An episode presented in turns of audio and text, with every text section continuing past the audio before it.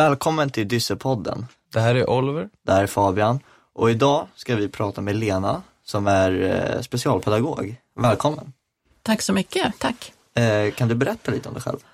Ja, jag heter Lena Nevelius och jag är specialpedagog. Och jag har en lärarutbildning i botten, jag är mellanstadielärare. Och jag har en, den här examen för ett tag sedan när man blev behörig i alla ämnen. Ja. Så jag är behörig att undervisa i alla ämnen på mellanstadiet och sen Oj. två ämnen på högstadiet, historia och religion. Eh, Jag har jobbat i skolan i hela mitt liv och jag älskar verkligen mitt jobb. Tycker det är jätteroligt. Eh, Jag har jobbat på olika skolor och jag har också jobbat på Nya Ängkärrskolan i Solna, en specialskola för dyslektiker. Oj. Är Ja. det en, en skola som ni har hört talas om eller? Nej, det har jag faktiskt inte. Jag har Nej. inte hört talas om det. Ehm, Och just nu så arbetar jag på en mindre skola i Gustavsberg som heter Skolan Lär. Och det är en F till 3-skola. Mm. Varför ville du bli specialpedagog? Ja, det beror på. Jag jobbar ju då som sagt var som mellanstadielärare och haft klasser i många, många år. Och sen så har jag eh, fem stycken barn. Och ett av barnen kom inte igång med sin läsutveckling när han gick i ettan. Och då tyckte jag att det var så fruktansvärt pinsamt. Liksom, jag är ju lärare Ja. och jag ska ju veta hur man lär barn läsa och hjälpa till och så vidare. Och, och så funkar det inte med ett av barnen. Och jag kommer ihåg också när jag var till skolan och vi satt på de här utvecklingssamtalen och vi tittade på resultat. Att jag kände mig, liksom, jag kände mig förfärlig. Och att det liksom låg på mig. Jag som mamma hade misslyckats och dessutom då, men gud, hans mamma är ju lärare, han kan inte läsa. och då tänkte jag att det här, det här det är någonting som inte stämmer. Så att jag vill utveckla det här och lära mig mer om läs och skrivsvårigheter och dyslexi. Det var så det började. Och sen var jag fast.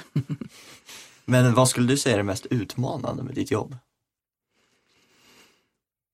Det, egentligen, om det utmanande för mig är någonting som är positivt, för att när jag träffar en elev med svårigheter så är utmaningen för mig att lägga pussel kring den här eleven. Ja. Vad är det för någonting som, som, som inte lirar, funkar? Vad är det som gör att, eh, att de här svårigheterna uppstår? Och då att lägga det här pusslet, det tar ju lite tid. Det, det, Ja, det, det är ingen som, jaha, det är det här och det här som saknas, utan det tar ju tid så att säga. Jo. Och det är en utmaning och det är en rolig utmaning. Mm. Verkligen. Ja, Och, på tal med, med pussel liksom. Så att, eh, du är ju specia- specialpedagog och Ja. har utbildat dig i många år. Ja. Men lärare som inte har gjort det i till exempel den skolan du jobbar på. Ja. Eh, hur är det med kontakten mellan dig och eh, eh, lärarna då? Eh, är det någonting du måste säga till dem om eleverna och hur, ser det ut? Ja. Ehm, och, och det som jag tänker på då, det är ju att, att eh, det här med att kunna läsa och skriva. ehm, det är ju någonting som man, som man måste lära sig. Det är ju ett hantverk på något sätt att lära barn att läsa. Ja. Och det är också en, en, att lärarna måste vara otroligt skickliga lärare. De måste veta hur man lär barn att läsa och så vidare. Mm. Ehm, och den skolan då nu som jag är på, det är ju en FT3-skola och vi fick ju då, eller regering, här, läsförmågan har ju sjunkit hos våra elever. Och eh, så mm, regering, riksdag, de bestämde sig för att vi ska ha en läsa, skriva, räkna-garanti. Och den ehm, beslutades att införas 2020-2021. Och det är Skolinspektionen som har till uppgift att se till att skolorna eh, följer upp den här läsa, skriva, räkna-garantin. Och det är de också då som, som besöker skolor och, och följer upp. Ja. Och det här ska slutredovisas i december 2024. Oj. Mm. Eh, för jag tänker också att Jag vet inte hur det var när ni gick i skolan. Kommer ni ihåg när ni gick i ettan, tvåan? Jo, ehm, Hur var det när ni skulle lära er läsa? jag var ju då i England Ja. i ettan Ja. eh, och tvåan. Eh, jag flyttade till Sverige eh, och började fyran då. Mm. I ettan, tvåan, då hade jag, gick jag i en svensk skola i London, så det var inte supermycket skillnad. Och då var det mycket med, min lärare var väldigt bra. Hon hjälpte mig med läsningen. Jag hade ju såklart svårt för att läsa och bör, påbörja läsa. Många i min klass läste större böcker än mig med snabbare. Ehm, men det var mycket med att jag fick extra tid, extra hjälp. Ehm, ja, det, det är flesta som man får. Jag har haft ganska tur med bra lärare och mycket hjälp redan från början. Mm. Jag hade extremt tur för min syrra har ju dyslexi. Så när jag var liten och liksom hade lite svårt för att läsa, då misstänkte vi redan när jag var, ja men gick i typ sex år, att jag, ja, men jag kanske har dyslexi liksom. Ehm, det var ganska skönt. Eh, men vad ser du hos dyslektiker du möter vad gäller eh, läs och skrivsvårigheter? Jag har en följdfråga till dig Ja. där. När du gick i förskolan så sa du att då funderar man på att du kanske var dyslektiker. Mm. Och vad grundade man det på? Ja men eh, grejen är att alla Förutom att din syster är dyslektiker. Ja, jag hade ju alltid svårt för att lära mig att läsa. Eh, hade jag jättesvårt för. Jag kan fortfarande knappt läsa.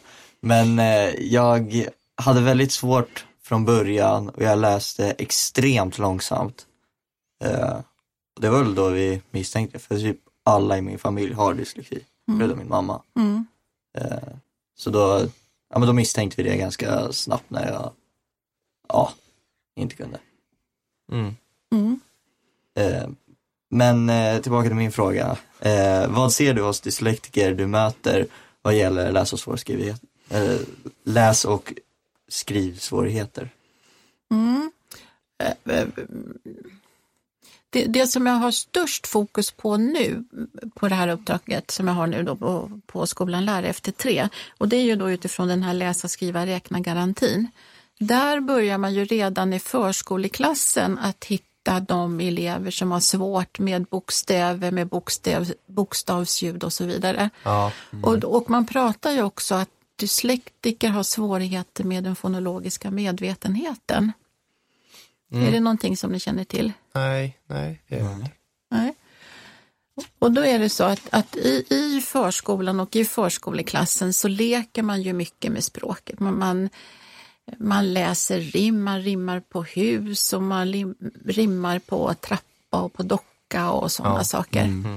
Och man leker med språket i förskoleklassen. Ehm, och man leker också med bokstäver när man säger att alla bokstäver har ett namn men alla bokstäver har också ett ljud. Mm. Och det som är, är intressant är ju då, eller mest intressanta, det är det att bokstaven har ett ljud. Det är väldigt många barn som kommer till förskolan och förskoleklassen och säger åh, jag kan alla bokstäver och så rabblar man hela alfabetet. Ja, men hur låter bokstaven S till exempel? Då vet man inte det. Och man jobbar också med till exempel att man, att man att man pratar om till exempel ordet fågel. Vad hör man för ljud i ordet fågel? F- Så. Mm. Kan det komma på några fler ord som börjar på samma ljud som f? Så. Ja. Så jobbar man. Ehm, och då finns det ju en professor som inte finns längre idag som heter Ingvar Lundberg. Han har jobbat mycket med det här fonologiska medvetenheten och vad som ligger till grund för läsutvecklingen. Ja. Och om man tar riktigt små barn och säger ja, vad, vad fågel, vad börjar fågel med? Då kan de säga näbb. För Ja. de ser en fågel som flyger och det som är först då, det är ju näbben som de säger. Vad kommer först i ordet fågel? Ja, det är näbben. Ja. Och sen när man blir lite äldre så kan man flytta, man flytta fokuset från själva bilden av fågeln till hur ordet låter. Ja. Eh, och då pratar man om att det finns fem olika dimensioner för, dimensioner för att komma igång med sin läsutveckling. Och den allra, allra viktigaste då, det är den fonologiska medvetenheten. Ja. Att du kan rimma, att du hör bokstavsljuden, eh, att jag till exempel kan, om jag säger ordet skola och så ska man ta bort ordet k i skola, så får jag ett helt nytt ord. Jag får ju sola Ja. Så att man leker med bokstäverna och med språket under hela förskolan och i förskoleklassen. Det är väldigt bra. Ja, Ehm, och du har ju jobbat som specialpedagog väldigt länge. ja. Ehm, och det är jätte, jätteroligt. Ehm, men vad är det roligaste med ditt jobb? Det roligaste med mitt jobb är när de små barnen då, så att säga, man säger att de har knäckt läskoden. Ja. Nu kan de alla bokstavsljuden. Och så säger jag tre ljud till dem. S, O, L. Sol, säger de. Och så ser de de här bokstäverna. Sol, åh, jag kan läsa. Liksom. Det, det är en lycka Ja, verkligen. när man kan se det så. Eh, sen har jag också jobbat med äldre elever. Jag har också arbetat på högstadiet Ja. och jag har suttit med på nationella prov i årskurs 6 och i årskurs 9. Och det är ju samma sak där, att lägga pussel. Eh, när man går i årskurs 9 så kan man naturligtvis inte jobba på det här sättet. Utan då, då får man ju acceptera att de här svårigheterna finns. Jo. Och hur, hur kan jag då hjälpa till och underlätta så att det blir, går så bra som möjligt på de nationella proven. Och jag tänker också då att som, för, som specialpedagog så känner jag mig också på något sätt som elevernas försvarsadvokat. Att se till att underlätta för eleverna så att det går bra för eleven Jo. med anpassningar och extra anpassningar och så vidare. Ja. Och att jag känner till vad som gäller, vad kan jag ta bort, vad, vad kan jag, hur mycket får jag hjälpa till här? Hur ska lärarna tänka när de sätter betyg? Det finns ju någonting som heter PIS-paragrafen Ja. och så vidare. Mm. Eh, men du nämnde eh, nationella proven. Mm. Eh, och eh, en grej som jag har väldigt svårt för med nationella proven, det är just det här med läsförståelse. Det Ja. tycker jag är helt omöjligt. Ja, Eh, men har du några, liksom, några tips eller råd? för läsförståelsen. Ja, Mm. Och det är det som är så tokigt. Jag vet inte hur det funkar för dig, men, men om du lyssnar till en berättelse, fastnar den då? Kan, får, får du läsförståelsen då? Eller hörförståelse blir det ju då. ja, jag hade ju nyss de eh, nationella provet Ja. med läsförståelse och jag fick det uppläst. Ja. Och det var så mycket lättare Ja, nu i nian än i sexan. För i sexan Fick du det inte uppläst Då fick jag det inte Nej. uppläst och då satt jag de sista två texterna eller någonting, då satt jag och körde Ole Dole Doff. För Ja. jag pallade liksom Nej, inte nej. ehm, men, ja, Mm. eh, läsa. Men nu i nian, då var det ju så mycket lättare. Mm, det förstår jag. Mm. Och jag trodde inte att man nu fick att man, att man fick, att man inte, jag trodde inte att man fick läsa upp texten i årskurs 9. Mm. Och det har ju varit mycket kritik mot det att man inte fick det, så det låter perfekt att du fick. Då betyder ju det att du har ju en god förståelse för texten som du får uppläst. Ja, man, man fattar liksom bättre. Det går inte igenom ena örat ut det andra. Nej, nej. Ehm, och gällande knep och tips, ehm, det är många som efter att i till exempel sjuan börjat lära sig läsa bättre och tjockare böcker då och ska förbereda sig inför gymnasiet. Eh, har du några tips på läsningsläran och hur man ska fortsätta utvecklas i läsning? När det gäller läsförståelsen, Ja, och läsning generellt. Ja. Jag tänker också då att, att det som är viktigt under hela skoltiden är ju att man eh, att, att det finns tillgång till böcker och att läraren arbetar med böcker. Det finns ju klassuppsättningar utav böcker till exempel. Ja, Och att man läser de här böckerna eller att man får lyssna till de här böckerna och att man då har boksamtal. För i och med att du har ett boksamtal så får du ju också en läsförståelse. mm. För när man läser en text så uppfattar du den på ditt sätt och du på ditt sätt Oliver. Och så blir det ju intressant att, att nej men jaha, kan det vara så? ja, Och så diskuterar man och så blir det som ringa på vattnet som utökar läsförståelsen, ordförståelsen, ordkunskapen. ja, det är annorlunda för alla. Ja, det är det verkligen. Så att, att böcker betyder otroligt mycket faktiskt. Ja, jo, Och jag tänker också då att på, ni läser ju mycket text nu på högstadiet och det blir ju ännu mera text på gymnasiet. Jo, jag går ju ettan nu Mm, då. Ehm, har, det är andra terminen för mig. Ja. Eh, och jag läser ju matte 2 och fysik, vi- vilket är mycket tal och mycket text. Ehm, eh, då har jag fått väldigt mycket så här, ehm, att jag kan få allting uppläst eh, och det har varit väldigt bra för mig. Ehm, så det, det är verkligen, gymnasiet är verkligen någonting man måste hålla koll, mer koll på när det kommer, in, kommer till liksom läsning och folk med dyslexi. Tycker du att gymnasiet, att lärarna har kunskap om dyslexi? Har de bra anpassningar och extra anpassningar för dig? Det går från eh, lärare till lärare. Ja. Till exempel min svenska lärare, han är väldigt bra. Han har, eh, när han fick reda på att jag hade dyslexi, då gick han till vår specialpedagog, eh, frågade många frågor om hur man ska betygsätta eh, och allt sånt. Men generellt tycker jag nog att lärare borde kunna veta lite mer på gymnasiet. Ehm, eh, för i nian var det mycket eh, att det, det var ju mindre lärare men det var mer som kunde om dyslexi. Eh, och om alla, gymnas, alla gymnasielärare skulle kunna det hade det varit väldigt bra. Vad går du för årskurs? Jag går i Ja, nian. just det, gick i nian. Ja. Det verkar, tycker jag, när jag lyssnar, att, att, att det är ett litet glapp just under gymnasiet. Jo, Att, att, att det stödet man har fått tidigare, det, det blir inte lika mycket av det på gymnasiet. mm, Men däremot, om man efter gymnasiet söker vidare till universitet eller högskola, ja. så kommer det här stödet tillbaka igen. Mm, För där har man ju någon form av studiecentrum och, och, och där finns all kurslitteratur, den finns inläst. mm, Och på föreläsningarna, man talar om att man är dyslektiker och har svårt att både anteckna och lyssna på en gång. Då brukar föreläsaren säga så här, Åh, vi har, finns det någon här som kan tänka sig att anteckna och skicka till? Så. mm. Och så det brukar vara många som räcker upp handen för att på universitetet får du också betalt, en timpenning, Jo, när du antecknar. mm. Eh, Men vad har man som, el- eh, eller så här, eh, vad kan man som elev eh, begära för hjälp i ett klassrum? Det är individuellt och det är någonting som man kallar för anpassning och extra anpassning. Och där handlar det om att du har lyhörda lärare runt omkring dig och att någon eller några av dem har lagt pusslet kring dig. Och att du också formulerar vad är det för hjälp jag önskar.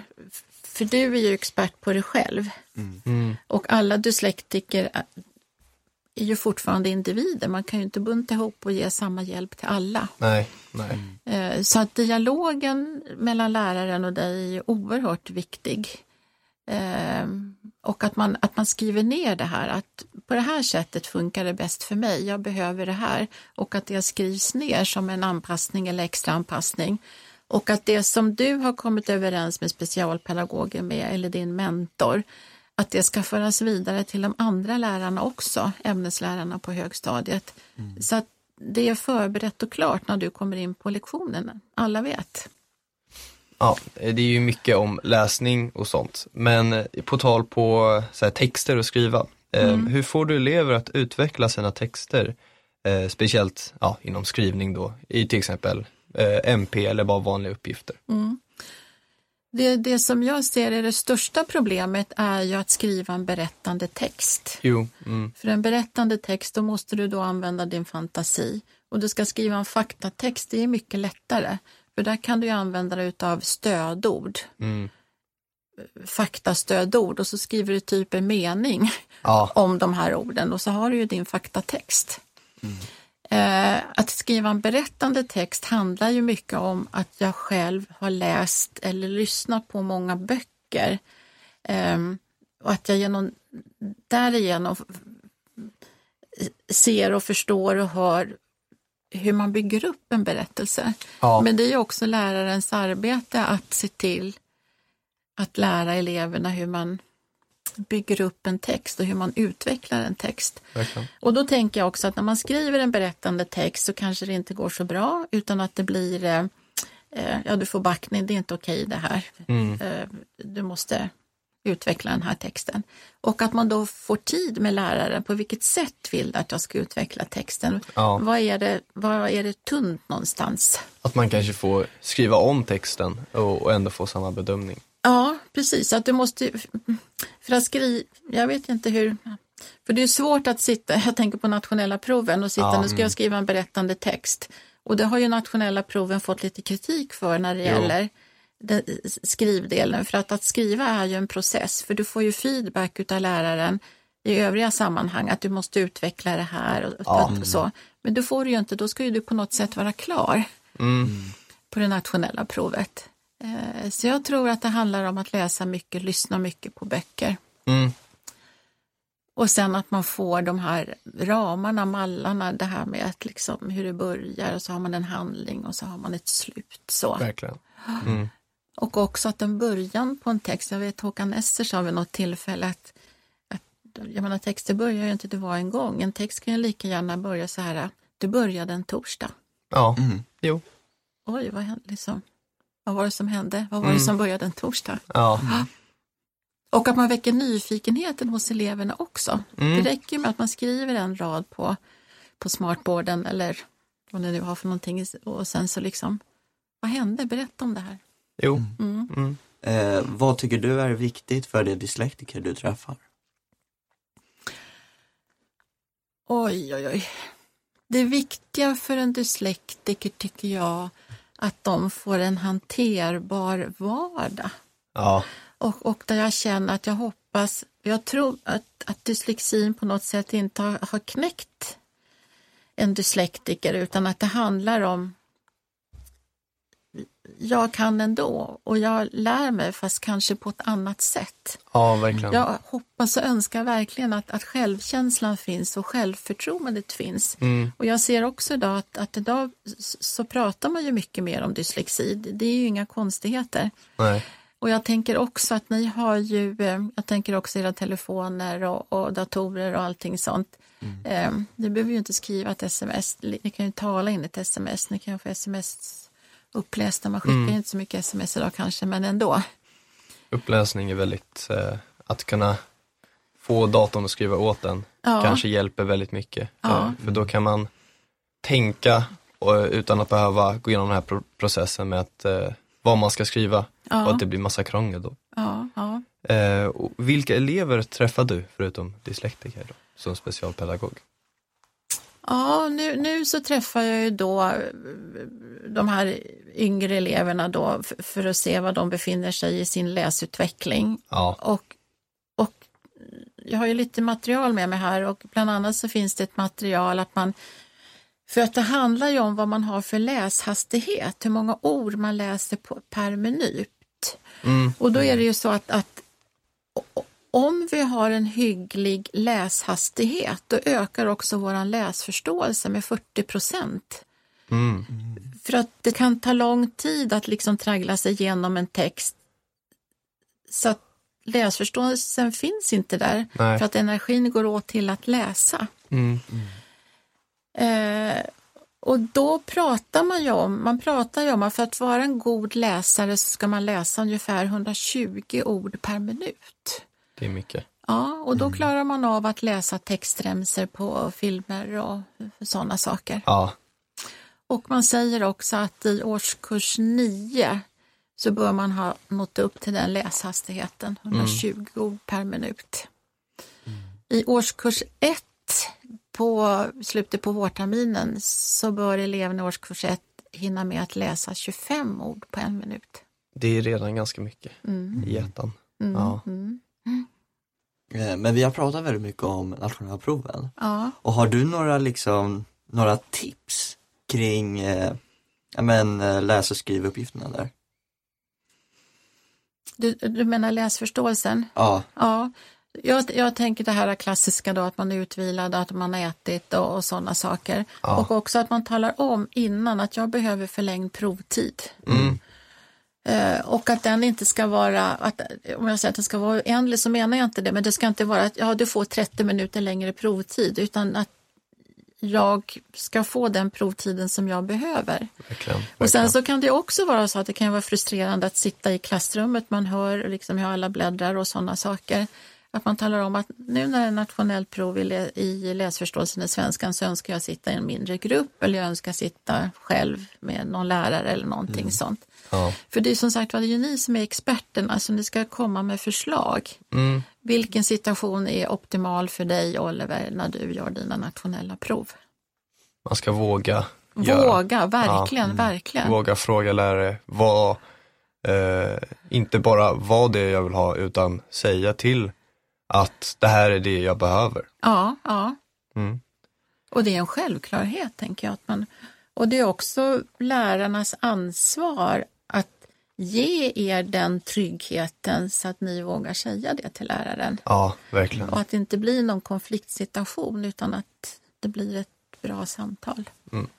För det viktigaste är ju naturligtvis att ni klarar er bra på de nationella proven. Jo, Det gagnar verkligen. ju alla. Mm. Stort tack till dig Lena eh, för att du kom hit eh, med oss och delat med dig. Det har varit väldigt trevligt och intressant att prata med dig. Eh, Har du någonting till att lägga till innan vi avslutar? Ja, jag har faktiskt tagit med, tagit med mig en bok här som heter En bro av poesi. Och det är en bok ifrån eh, Svenska Akademin faktiskt, en gratisbok. Ja, som man har delat ut till samtliga skolor och till de yngre barnen. Och jag sa ju förut då att man kunde att, att vad viktigt det är med att, att, att man läser gemensamma texter, det är viktigt med högläsning, att man diskuterar texter och så vidare. Ehm, och då tänker man så här, men vad då läsa dikter? Kan man göra det för små barn och kan man göra det för gymnasieelever? Så? ja, Jag har en jättekort dikt här utav Edith Södergran om jag får läsa den. det får du göra. När natten kommer står jag på trappan och lyssnar. Stjärnorna svärma i trädgården och jag står i mörkret. Hör! En stjärna föll med en klang. Gå inte ut i gräset med bara fötter. Min trädgård är full av skärvor. Väldigt fin. Och till den här dikten då så finns det naturligtvis lite frågor och vad man kan prata om. Ja, Och då är det här Edith Södergran och den här kan du köra i en förskoleklass eller årskurs 1. Eller årskurs 1 på gymnasiet eller årskurs 9 på högstadiet och diskutera. ja. Tack till dig som har lyssnat. Har du några idéer på vem vi ska intervjua eller har frågor? Gärna kontakta oss på hej fdb.se. Följ oss gärna på Instagram, Dyssepodden och vi finns där poddar finns.